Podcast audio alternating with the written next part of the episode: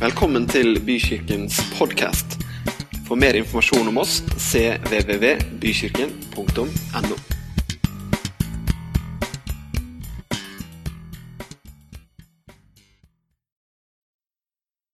Tror du vil at du skal tenke over før du svarer. Tror du at Gud, himmelens og jordens skaper, har noe som han vil si deg i dag?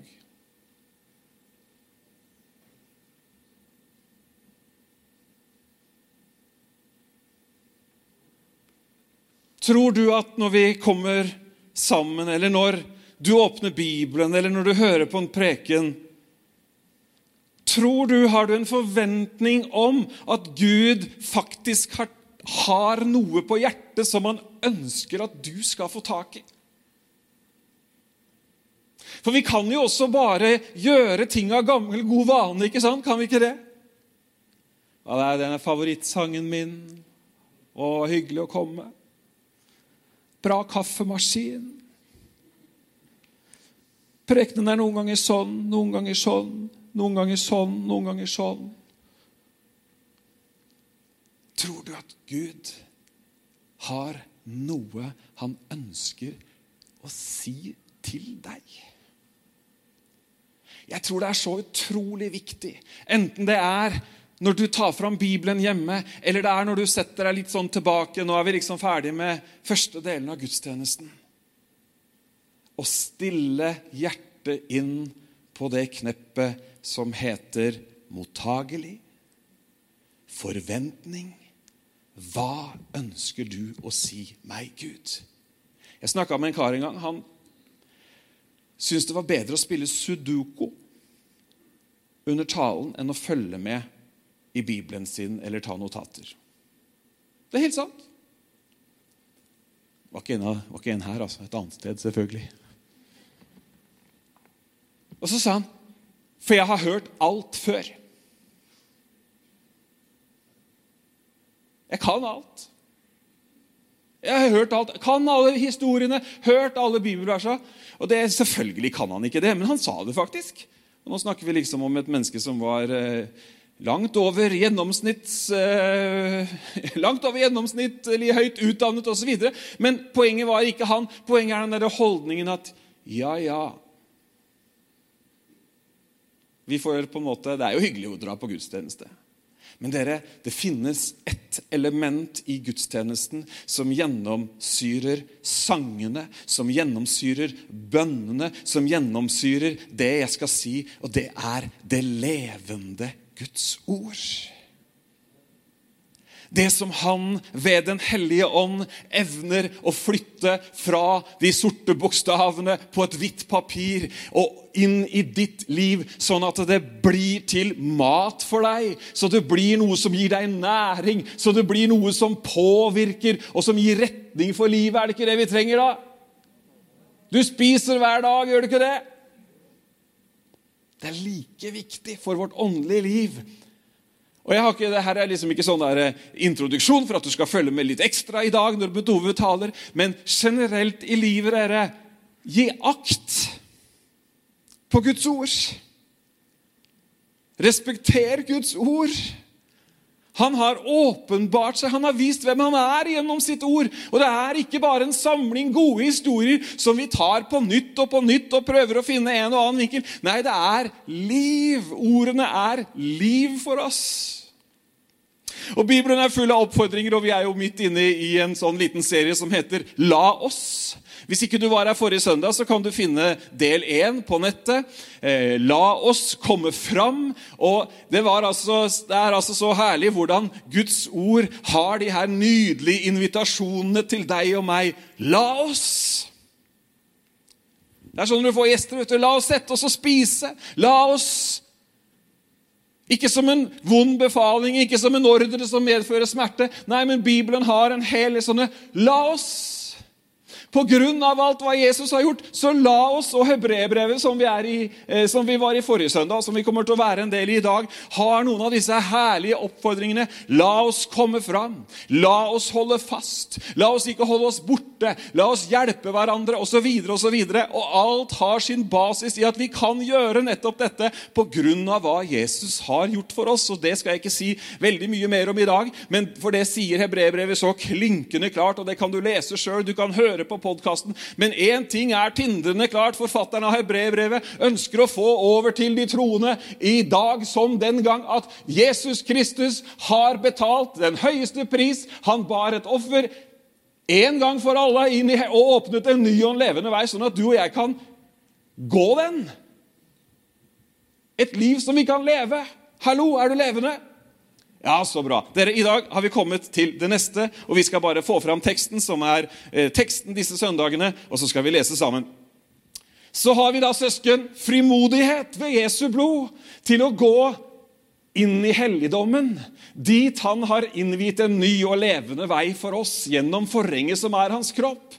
Og siden vi har en så stor prest over Guds hus, så la oss komme fram med oppriktig hjerte og full visshet i troen, med hjertet renset for vond samvittighet og kroppen badet i rent vann.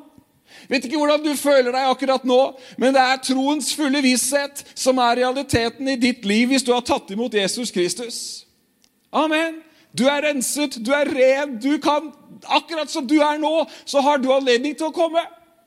Og du har jo kommet. Du kom deg opp denne morgenen, så du er jo her. Du er jo her! Er det ikke fint? Si til deg selv 'jeg er her'. Det ser ikke ut som alle vet at de er her, men du er her. Gratulerer, velkommen! Du har kommet fram for nådens trone i dag. Og så skal du få oppleve at Gud han er noe han ønsker å si deg. og vi leser videre. La oss holde urokkelig fast ved bekjennelsen av håpet, for han som ga løftet, er trofast. La oss ha omtanke for hverandre, så vi oppgløder hverandre til kjærlighet og gode gjerninger. Og la oss ikke holde oss borte når menigheten vår samles, som noen har for vane. La oss heller oppmuntre hverandre, og det så mye mer som dere ser at dagen nærmer seg. I dag så skal jeg snakke om bekjennelse. La oss holde urokkelig fast ved bekjennelsen. Nå teller jeg til tre, og så tar vi trosbekjennelsen, den mest kjente, sammen. Én, to, tre. Jeg tror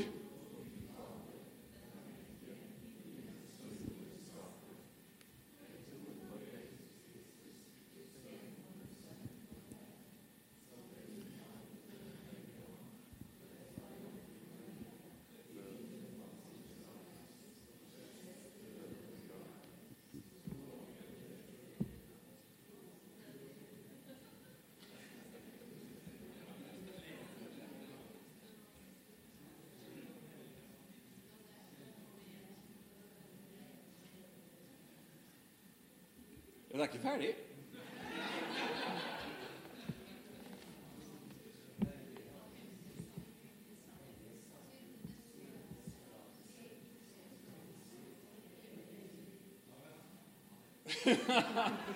Amen! Var det flere som var med på?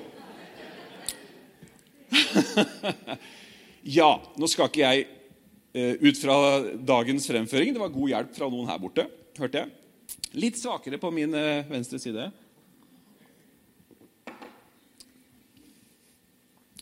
Det har til tider vært behov for eh, å samle den kristne tro om noen sånne felles ting, sånn som trosbekjennelsen. Og Det finnes et par andre trosbekjennelser. Den eh, nikenske og den atansianske osv. Vi, skal, vi skal ikke stoppe veldig mye med det. Litt interessant var det likevel at denne bekjennelsen, som Bibelen sier vi skal holde så fast på, i hvert fall i form av trosbekjennelsen, tydeligvis ikke satt sånn kjempegodt fast i forsamlingen etter over 1000 år med kristendom i Norge. Kan vi være enige om det? Og eh, du vet, Noen av disse trosbekjennelsene de er også et resultat av religiøs-politisk dragkamp eller teologiske spørsmål. Noen av de handla om var Gud Jesus fullt menneske, og, eller var Jesus fullt menneske og fullt Gud. Eller, altså, det har vært ulike ting. og Poenget mitt i dag er at du bare skal ta de tros, den trosbekjennelsen. Den kan du gjerne lese opp når du ønsker å lese den opp. Men det er ikke den jeg snakker om i dag. Og det er ikke den forfatteren av Hebrebrevet snakker om når han sier 'hold urokkelig fast ved bekjennelsen'. Jeg skal snakke litt om bekjennelse, jeg skal snakke litt om hva ord egentlig betyr. Jeg snakka med en, en, kamerat her for et par år siden, og han litt sånn ut av det blå så snakka vi om ulike viktige ting. Og så sa han vet du hva, sa han? Jeg tror at bekjennelse er kjempeviktig. Ja, jeg. Det tror jeg også. Og Jeg ble gående faktisk og tenke på det noen dager etterpå. For det, var, det kom litt sånn uventa. Eh, fordi Han pleier ikke å komme med sånne meldinger, men han sa det litt sånn med Jeg tror det er veldig viktig med bekjennelsen. Ifølge Bibelen så er det veldig viktig med bekjennelse. Men det handler ikke om den bekjennelsen som vi nå gjorde et forsøk på å gjøre, som man på, på kommando fremfører en innlært regle med bare teologiske fine sannheter. Bekjennelse er noe helt annet. Ord skaper. Visste du det? Ord som kommer ut av din munn, det skaper og du kan gjøre noen, kan gjøre noen eh, sånne små forsøk selv. Du kan komme inn på personalrommet eller sammen, i, i, eh, sammen, med de du jobber en dag. Og så kan du si eh, 'Hei, så godt å se deg. Hyggelig.' Jeg tror vi kommer til å få en ganske bra dag. Og vet du hva? Det å jobbe sammen med deg det har gitt meg mye. Jeg har lært så mye. Kjenner du atmosfæren allerede? Det blir bra dag på jobb, ass. Kan du kjøre samme situasjon eller en annen situasjon hvor du kommer på jobb, og du, du har ikke bare stått opp med feil arm eller bein, du har en knapt stått opp. Og det er ikke det ene, eller det, ikke, det sies ikke noe, det er bare noe sånn grynting, og man liksom forter seg inn på kontoret og lukker døra. Og de andre er liksom Ja. Ord skaper, ikke sant? Ord skaper. Vil du skal huske det? Ord skaper. Gud talte et ord, og det skjedde. Det betyr at Gud han skapte ved sitt ord. Og det står faktisk også, skal, Du kan notere deg det. Det står faktisk i Isaiah 57, eh, 19, eh, tror jeg det er, at 'jeg skaper eh, leppenes frukt'. Altså Gud sier, 'Jeg skaper det som kommer ut av munnen'. Og nå vet jeg at Noen her er jo like gamle som meg, og man har vært gjennom et, eh, et, langt liv i kristne kretser, og man har vært innom en slitsom runde hvor det var bare du sier det, så har du det. Og, og, og, og på ganske tynt grunnlag så skulle man liksom bare repetere ting nok. og så, så Ikke det jeg snakker om. Ok? Men du, ord skaper. Du kan like det eller ikke, men ord skaper. Og Gud har skapt oss, og Gud har, vi er den eneste skapningen som kan si noe. Er du klar over det? Det er ingen andre ting i skaperverket som kan ytre ord sånn som et menneske kan. Kanskje er det ikke så rart heller at eh, Bibelen da sier at til mann og kvinne skapte han dem. Han skapte dem i Guds bilde. Så altså hvis Gud kan skape med ord, så er også ordene våre har noe i seg som kan skape noe. Er du med på logikken så langt? Ord betyr noe. Ord skaper atmosfære. La oss holde urokkelig fast ved bekjennelsen. Hvorfor oppfordrer Bibelen? Og Det er mange steder det står om å bekjenne. I 2. Timoteus 2,19 så står det 'Herren kjenner sine', og 'hver den som bekjenner Herrens navn, må vende seg bort fra urett'. I 1. Johannes eh, 2,23 så står det 'Den som fornekter Sønnen, har ikke fellesskap med Faderen'. Den som bekjenner Sønnen har også fellesskap med Faderen. I Matteus 10 så sier Jesus Den som bekjenner meg for mennesker, han skal også jeg bekjenne for min far som er i himmelen. Generelt, bare som en sånn liten parentes, så tror jeg at vi sier altfor lite om vår kristne tro i hverdagen, i familien, blant venner. Vi, vi, vi, har, vi har tatt på oss rollen som minoritet i det norske samfunnet. Vi har privatisert troen til et sånt nivå at vi sier ikke at vi Nei, vi kan ikke, for vi skal på gudstjeneste. Vi sier det. Vi er opptatt. Gjør vi ikke det? Nei, ikke alle, da, men veldig mange gjør det. Vi fordekker store deler av vår kristne tro, og selv om vi tror på Jesus så det koster, så er terskelen for mange når de møter medmennesker som har behov, terskelen for å si vet du hva, 'Jeg tror på en Gud, og skal, hvis det er greit for deg, så skal jeg be for deg.' Jeg våger å påstå at i Norge i dag, i vår del av kristenheten, så er den terskelen høy. Så kan du finne ut hvor du er i forhold til den terskelen, men det er min erfaring. Det er lettere å si 'jeg skal tenke på deg', enn å si 'det finnes en Gud i himmelen'. Jeg kan ikke gjøre noe, men jeg tror på en Gud, og han gjør store ting. Men ikke bare på det overfor andre. Hvordan er bekjennelsen vår? Hva sier vi om vår tro til våre aller nærmeste?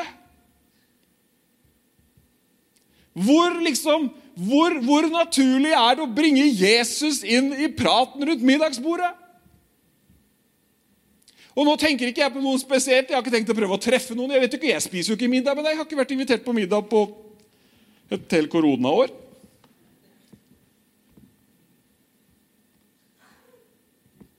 Bekjenne Jesus. Snakke om det. Holde det levende. Men som sagt, det var en parentes. Den, den fikk du helt gratis. Vær så god. Takk. Du skjønner, Det er nemlig noe med det indre som får et ytre uttrykk.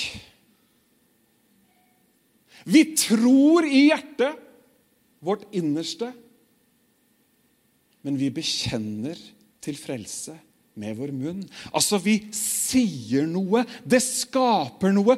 Gud skaper med sine ord, og du skaper også med dine ord. Jesus snakker om kraften i det å si noe i dette, disse utrolig kjente versene, som ikke bare levende troende har peil på, men alle har jo hørt om dette. ikke sant? Si til dette fjellet, osv. Markus 11. Da de tidlig om morgenen gikk forbi fikentreet, så de at det var visnet fra roten av. Du skjønner, Dette treet hadde de passert litt tidligere. Det er et par vers tidligere. Så forbannes dette treet ikke ved at noen tar en øks eller en sag, men ved ord. Jesus sier noe til det treet, dere. Og så kommer de tilbake litt etterpå. Å steike, det er jo visna! Nei, dust, men Det var jo noen som Altså, De fikk jo sånn førstehåndsopplevelse av hvordan ord kan skape. De hadde ikke skjønt allerede, men de skjønte at Jesus sa jo bare noe til det tre, og så var det dødt. Hvorfor? Fordi ord skaper. Ord som er, i, er på linje med Guds levende ord, med hans sannheter. Når de uttales av vår munn, vi som er skapt i hans bilde, så skaper det noe. Amen. Ja, men det var Jesus. Men hør her. Og Jesus svarte dem, ha tro til Gud. Sannelig, jeg sier dere, om noen sier til dette fjellet Om noen sier til dette fjellet Løft deg og kast deg i havet, og han ikke tviler i sitt hjerte, men tror det han sier, vil skje, da skal det også gå slik. Derfor sier jeg dere, alt dere ber om i bønnene deres, tro at dere har fått det, og dere skal få det. Vær den som sier til dette fjellet. Jeg vet ikke hva du gjør når du møter fjell, og nå snakker vi jo ikke om verken Galdhøpiggen eller Gaustatoppen eller noe som helst. Nå snakker vi om de tingene i livene våre som synes å være uoverkommelige. Amen. Hindringene, angrepene, mørket. Alt det der som prøver å dra ned. Jesus sier, hvis du sier til det fjellet hvis du uttaler Guds vilje om det fjellet, hvis du samstemmer din tro med det fjellet, da skal det skje. Ja, Du er veldig frimodig, men Tove, nei, jeg er ikke frimodig i det hele tatt. Jeg bare prøver å sette litt flere ord, ord på det som Jesus sier. Og det ber jeg ikke om unnskyldning for i det hele tatt. Men det er viktig hva vi sier om situasjonen. Det er viktig at vi skjønner at det å bekjenne sin tro, det å holde fast ved troen, det er med på å skape en forandring. Amen.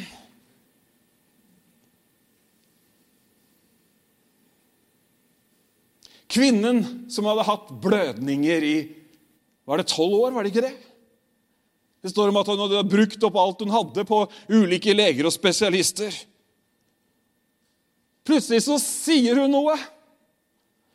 Det står at hun sa til seg selv Jeg leser fra Matteus 9. Nå var det en kvinne der som hadde hatt blødninger i tolv år. Hun nærmet seg Jesus bakfra og rørte ved dusken på kappefliken hans, for hun sa til seg selv Om jeg bare får røre ved kappen hans, blir jeg frisk.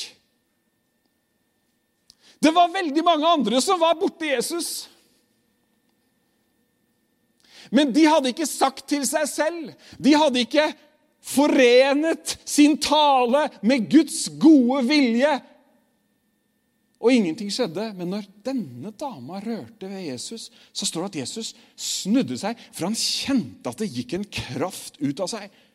Din tro har helbredet deg. Bekjennelse og si noe. Det er mange historier.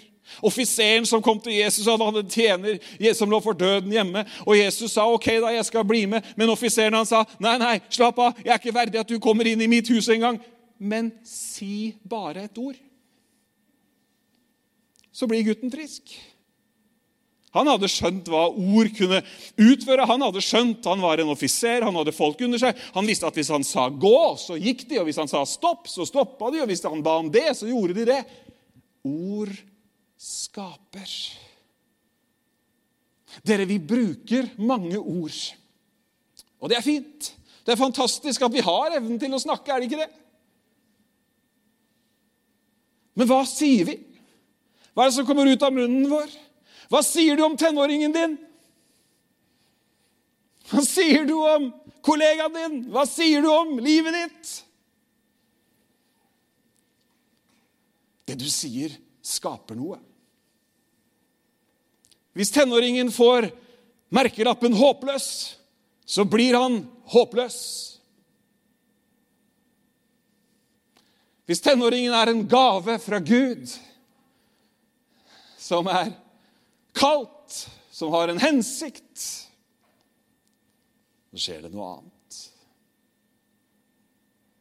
Jeg vil skape frukten av deres lepper.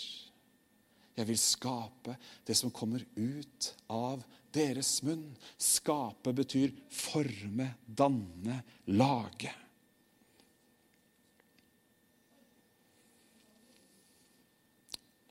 Vi kjenner historien om David og Goliat. Husker det? Noen er mest opphengt i var han 1,98 eller var han 2,90. Altså, Det er jo ikke vesentlig for denne historien. Det er kult når du er på søndagsskolen og liksom finner ut hvor stor han egentlig var. Men her kommer altså David, dere. I 40 dager så har Goliat stilt seg fram for Israels hær. Hver morgen og hver kveld så har han pumpa tankene deres fulle av frykt og vantro og umulighet. Det er derfor det er fint vet, å få noe annet inn om morgenen enn alle verdens elendigheter. Her under koronaen så var det et menneske, de tenkte, hun, hun, trodde sikkert at hun gjorde meg en stor bjørnetjeneste, men hver dag så fikk jeg sånn bilde av hvor mange nye smittede det var i Norge, og hvor mange innlagte det var, og hvor mange testede det var. Altså, jeg var fullt oppdatert. Hver morgen fikk jeg bilde av det. Jeg fikk jo nesten covid av det der. Jeg fikk heldigvis ikke sånn oppdatert på kvelden. Da tror jeg hadde sagt så jeg lot det bare gå. altså, men... Men nok om det. Hver morgen så stiller Goliat seg fram. liksom, Finnes det ikke én blant Israels hær som kan møte meg i en tvekamp? Altså, Er det ikke én i denne mektige nasjonen, dere som har Gud over alle guder? Altså, Han sto der og hånte, han sto der og spotta. 40 dager, morgen og kveld. Og Så kommer David, denne lille gjetergutten som er ute med litt proviant til brødrene sine som jobber i fronten. Han som har erfart at Gud han frir han ut fra løver og bjørn. Han har, han har seiret gang på gang. vet du. Og så hører han, og så sier han, 'Hvem er denne uomskårne filisteren?' liksom. Jeg vet ikke om det er det skjellsordet du bruker om folk hvis de er mot deg, at de er uomskårne. Men du skjønner, vet du hva det betyr? Han sier egentlig Du skjønner at jeg Han bekjenner sin tro. Han sier at jeg, jeg, jeg kjenner Gud, jeg. Og som et tegn på at jeg kjenner Gud, så ble jeg omskåret på den åttende dagen. Som et paktstegn på at himmelens Gud og hans hærskarer, de er med meg. Han bekjente sin tro. Goliat han håner og ler, ikke sant? Jeg skal gi kroppen din som mat til fuglene sier han til David. David sier det samme om Goliat og hele hans hær noen vers seinere. Og så vet vi det at bekjennelsen han har Når Saul sier, kong Saul sier til David, 'Du er for liten. Du er for ung.' Du fikser ikke dette. Nå har denne kjempen, denne filisterkrigeren, eh, han har satt frykt i folket. Vi er i en umulig situasjon. Men ordene fra David samstemmer med troen i hans hjerte. Det samstemmer med løftene i Guds ord. Og jeg tror ikke at det var ungdommelig mot som gjorde at David talte til det fjellet. Men han bekjente sin tro. Det finnes en Gud. Og det er han jeg representerer. Og så vet vi utfallet av den historien. Det er jo sterke scener. Men dere, holde fast. Hva betyr det egentlig å holde fast? For det er det Bibelen sier. La oss holde fast. Og det er som om Bibelen vet at det går an å glippe. Det er som Bibelen liksom skjønner, og det gjør den jo, det vet vi jo, at vi er mennesker. og Derfor så kommer den oppfordringen. Den fins andre steder i hebreerbrevet også. La oss holde fast ved bekjennelsen. La oss liksom holde fast. Det greske ordet kateko er grunnlaget liksom for dette holde fast-uttrykket. Og Det betyr egentlig først kata, noe som kommer kraftig ned med tyngde.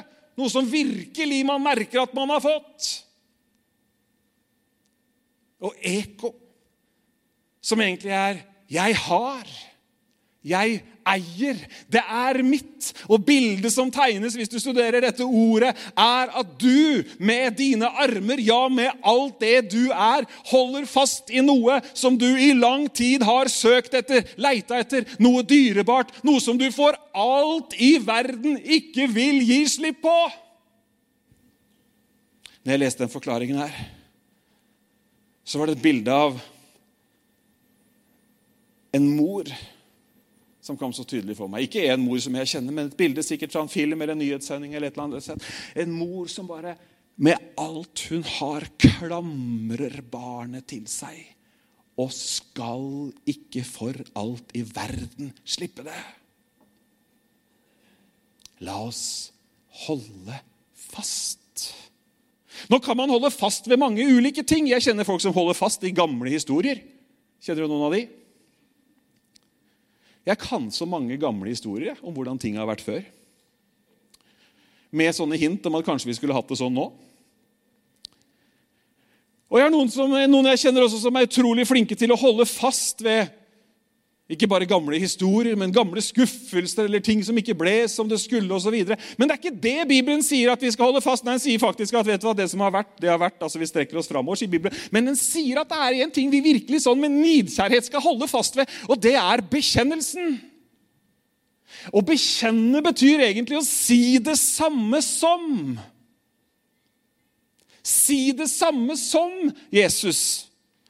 Det greske ordet er homologia, som betyr, består av homo og logia, som betyr av samme type, og ord.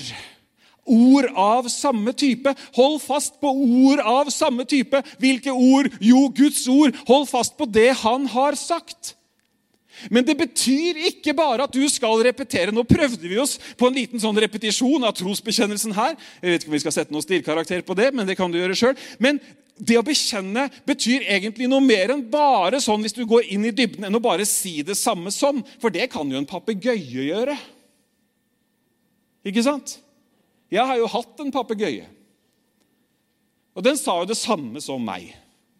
Den visste at når jeg gikk og satte meg i den stolen Det var der jeg liksom pleide å sitte og be og lese. Jeg gikk og satte meg i den stolen, og før jeg var i gang, så hørte jeg halleluja. Talte litt i tunge, vet du. Amen. Det er sant. Så hvis du trenger hjelp i bønnelivet ditt, så er uh, Gråjakko et godt tips. Men det, men men det var jo ikke noe bekjennelse. Og du vet, Det er jo der vi noen ganger tenker Hvis vi tenker at vi bare helt mekanisk skal kunne trosbekjennelsen 'Jeg tror på allmektig Gud, himmelens og jordens skaper' Nei, der skulle det vært et komma. Det funker ikke! Hallo, Du kan kunne utenat forlengs, baklengs. Hvis ikke den er mer integrert enn at du kan den utenat, så hjelper den ingenting! Ingenting! Bekjennelse, hvis vi skal gå i dybden på hva det egentlig betyr, så betyr det ikke bare at du liksom sier det samme, men hvis Frank, hvis du kommer hit Dette er ikke planlagt, men her kommer Frank.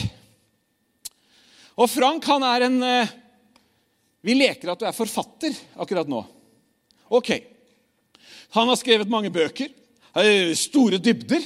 Jeg har lest disse bøkene. Og jeg kan eh, på første nivå av bekjennelse, for å si det sånn, eller på vei mot bekjennelse, så kan jeg Vet du hva Frank skriver i boka si, dere? Ja, hva skriver du egentlig? Du har ikke noen planer? Nei, ikke noen planer. Jeg kunne hatt noen planer. Men altså, vi tenker ofte at bekjennelse er at ja, nei, Frank sier på side 29 at hvis man gjør sånn og sånn, da er det fint. Det er ikke det bekjennelse er. Det er, det, det er, ikke å si det samme som i Bibelens betydning av bekjennelse. Men hvis jeg derimot leser alle Franks bøker Anne Franks bøker, det er noe annet. ja. Jeg leser alle Franks bøker. Ikke bare det, men jeg møter forfatteren Frank til en lunsj. Og så deler vi noen meninger, og så snakker vi om noe. Og så gradvis jo, Og så, så syns jeg det her var så fantastisk at jeg, at jeg, at jeg snakker enda mer om dette. Og, og til slutt så blir det han har sagt i sin bok, det blir liksom litt mitt. Og til slutt så veit jeg ikke var det Frank eller var det meg. Er du med på tanken? Ja, Ikke bare liksom kan jeg gjengi innholdet, men holdningene, meningene, betydningen, synsvinkelen, måten man liksom håndterer ting på. Det han har, har liksom blitt mitt. Det er betydningen av bekjennelse. Ikke en halvveis gjennomført trosbekjennelse når du var innom kirka by accident. Tusen takk, Frank. Skjønner dere forskjellen? Når noe liksom Det, det blir ditt. Og du vet, Det er jo derfor Bibelen sier følgende. Hør her. Bibelen sier at vi må fornye sinnet vårt. Det er tankene våre. Bibelen sier at tankene våre må ha påfyll. Fordi at La oss komme fram, som vi snakka om forrige søndag, som handla om hva Jesus har gjort. Det er gjort, dere. It's done. It's finished. Du kan ikke gjøre noe til eller fra. Det er gjort. Utfordringen er at du og jeg, vi glepper det. Vi holder ikke fast ved det. Fordi at sinnet vårt det er jo mottaker av alt mulig annet. Hvor mange nyheter har ikke du fått med deg i dag før du kom hit?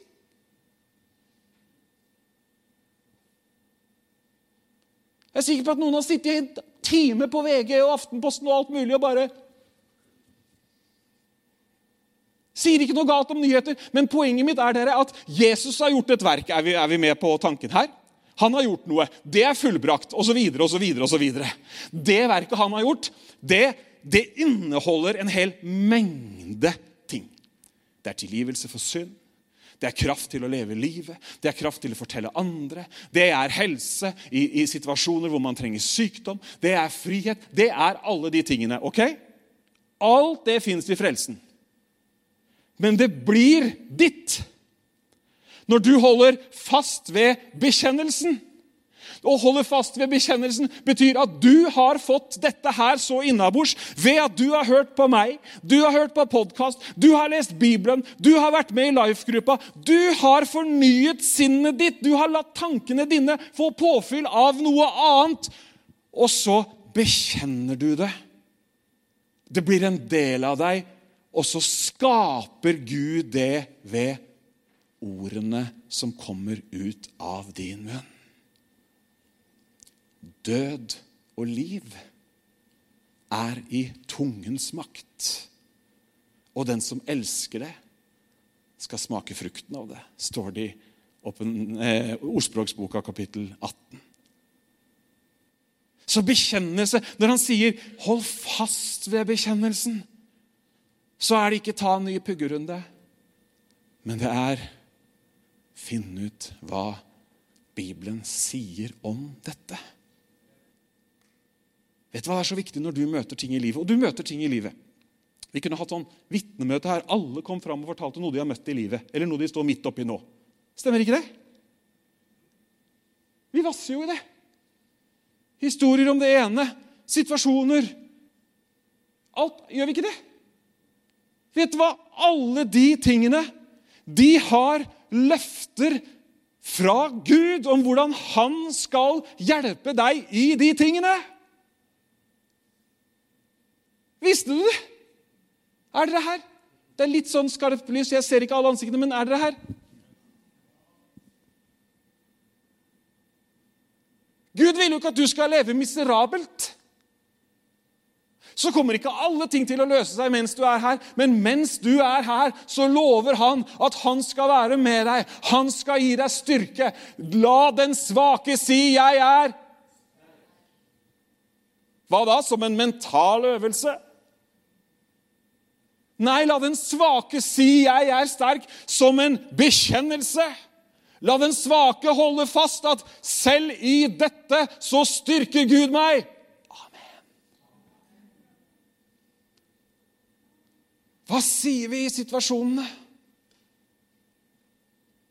Jeg tror ofte at det er tre stemmer i hvert fall, da, som gjør seg gjeldende. Så er det kanskje noen som har, opplever at det er enda flere stemmer inn i livet. Men vi har jo en stemme fra avgrunnen som vi til stadighet hører. Ikke sant? Dette går ikke. Du er ikke bra nok. Har Gud sagt det? Ja. Det er ikke sånn, vet du. Noen som kjenner seg igjen? Død elendighet, sykdom, splittelse. Den stemmen gjør seg gjeldende. Så finnes det en annen stemme, heldigvis, fra himmelen, som sier, 'Jeg elska deg så høyt at jeg ga min sønn for deg.' Du er verdifull. Du er rettferdiggjort, du er helliggjort. Du er en ny skapning. Alt det gamle er borte. Er ikke det, gode, er ikke det, budskap, er ikke det godt budskap? Det er herlig. Jeg hørte ei ung jente en gang som prekte og jeg husker ikke alt hva hun prekte om, men hun hadde en, en, en tittel på den korte prekenen som jeg aldri kommer til å glemme, og som alltid kommer tilbake til meg. Potensialet i den nye skapningen. Men hør nå. Potensialet i den nye skapningen, henger sammen med hold fast ved bekjennelsen. Amen. Hold fast ved bekjennelsen. Hvordan kan vi hindre da, dere, vi skal slutte nå, hvordan kan vi hindre at vi bare ender opp med en sånn mekanisk, utenatlært bekjennelse? For vi kan jo bli kjempegode på sånne Sikkert noen der som kan alle de trosbekjennelsene utenat, og så synes de er kjempebra. Det, altså hvis du, hvis du, ikke bare kan de utenat for å kunne de utenat, men hvis du mediterer på dem, og hvis du, hvis du liksom har tatt sann, altså det det står der innover deg, da er det jo bekjennelse virkelig. Det er ikke det jeg sier. Det er ikke sånn at 15. august annullerte pastoren i bykirken alle tidligere trosbekjennelser. Det, det er ikke det jeg har gjort nå. ok? Ikke gå ut og si det. Nei.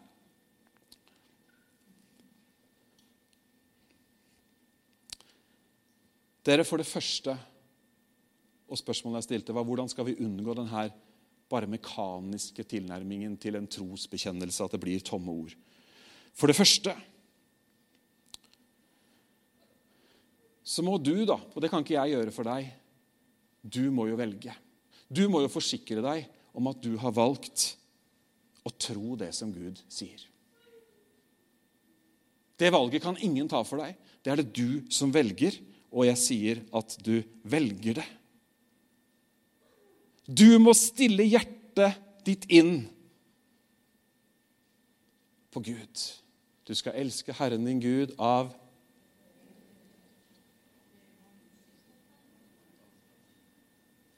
Det verset kan du slå opp når du kommer hjem.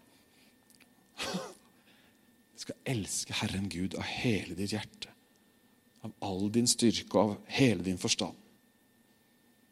Uansett. Det er det første du må gjøre. Du må ta det valget. Og så er det en annen ting som jeg har lyst til å utfordre oss alle på. Be Den hellige ånd, han som er hjelperen, talsmannen, Be Han om å gi deg lys over det du leser i Bibelen. Akkurat som du ber Han om å tale til deg når du hører en preken eller leser Bibelen. Kjære, gode Gud, jeg ber om at du nå, ved din ånd, skal tale, gjøre Guds ord virkelig for meg, at du skal tale til meg.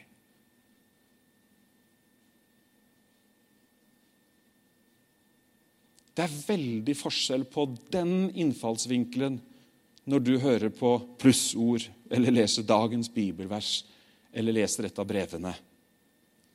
Be Ånden om å gjøre Guds ord virkelig for deg. Og så henger det siste egentlig litt sammen med det jeg akkurat har sagt. Finn fram Bibelen.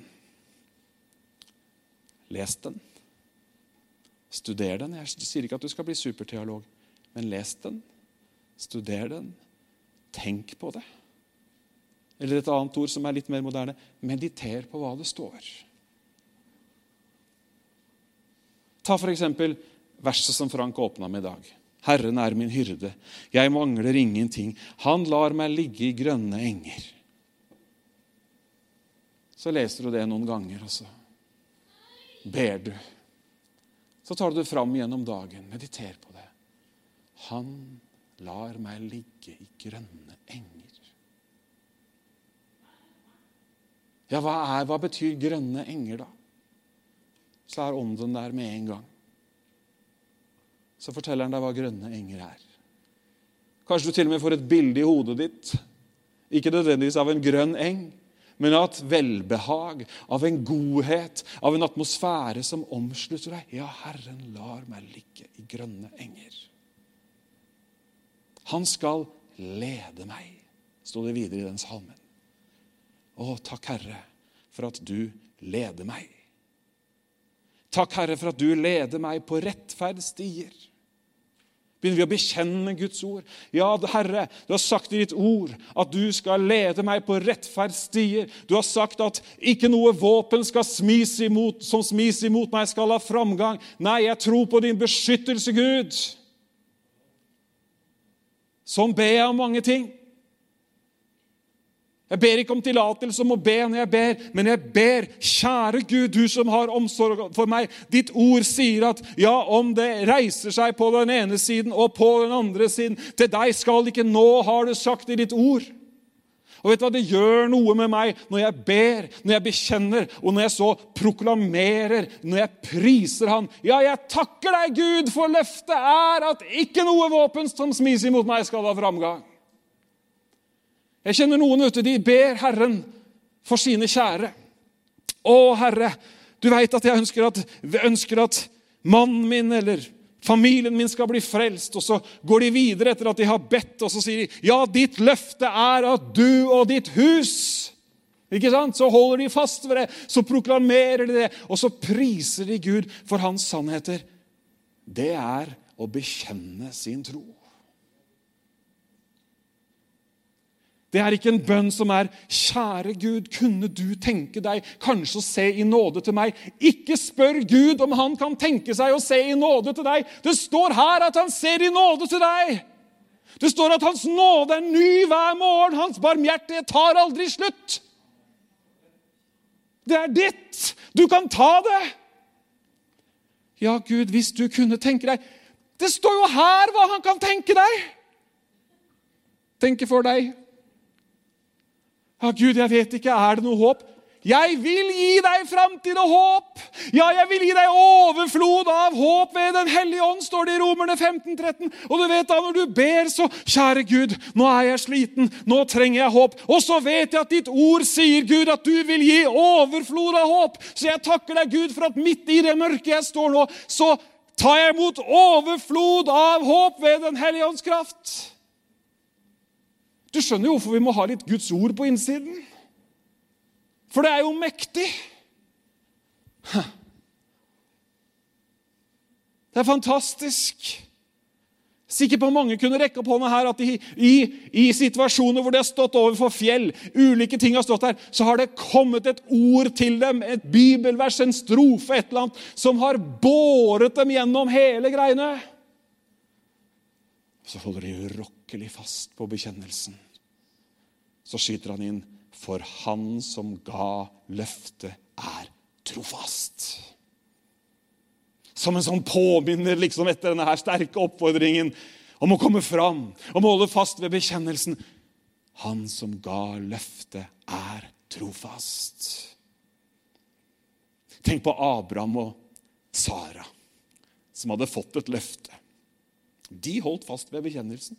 De prøvde noen egne løsninger underveis, men de kom alltid tilbake til det håpet, til den troen, til det Gud hadde gitt dem. Og Det står, i, det står om Abraham at da alt håp var ute, trodde han med håp. Kunne like gjerne stått når det så skikkelig mørkt ut, så holdt han fast ved bekjennelsen. Urokkelig holdt han fast ved bekjennelsen. Vi takker deg, Herre, for at du er så god. Takk for at vi er invitert til å komme fram for deg. Hm. Veien er åpen, den er ny, og den er levende. Takker deg, Herre, for at vi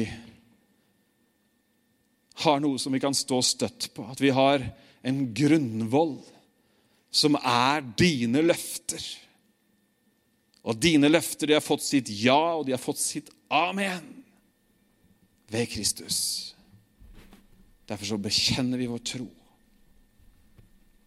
Helt motsatt av omstendigheter så bekjenner vi dine løfter. Amen. Amen. Jeg har lyst til å skyte inn en ting som noen kan tenke når jeg snakker om det jeg snakker om nå. Ja, skal vi da flykte fra virkeligheten? Jeg møtte en en gang. Jeg er ikke syk, sånn. Jeg er helbredet. Det var veldig åpenbart at han var syk. Feberen sto i panna på han, kan du si. Ikke, vi snakker jo ikke om at vi skal fornekte situasjonen. Vi snakker jo ikke om å skyve noe bort fra tallerken. Vi snakker jo bare om å øke mengden på tallerken med det som gir næring og styrke, og som kan endre. Amen. Vi, vi, vi skyver jo junkfooden bort, og så får vi skikkelig Holdt jeg på å si kalorier? Men så får vi skikkelig byggesteiner. For Vi ønsker jo ikke, ønsker jo ikke å liksom bygge en tro som er sånn virkelighetsfjern. og nei, nei, nei, nei. Nei, det jeg snakker om, er at midt i virkeligheten så er invitasjonen 'la oss holde fast ved bekjennelsen'. Amen. Gud velsigne dere.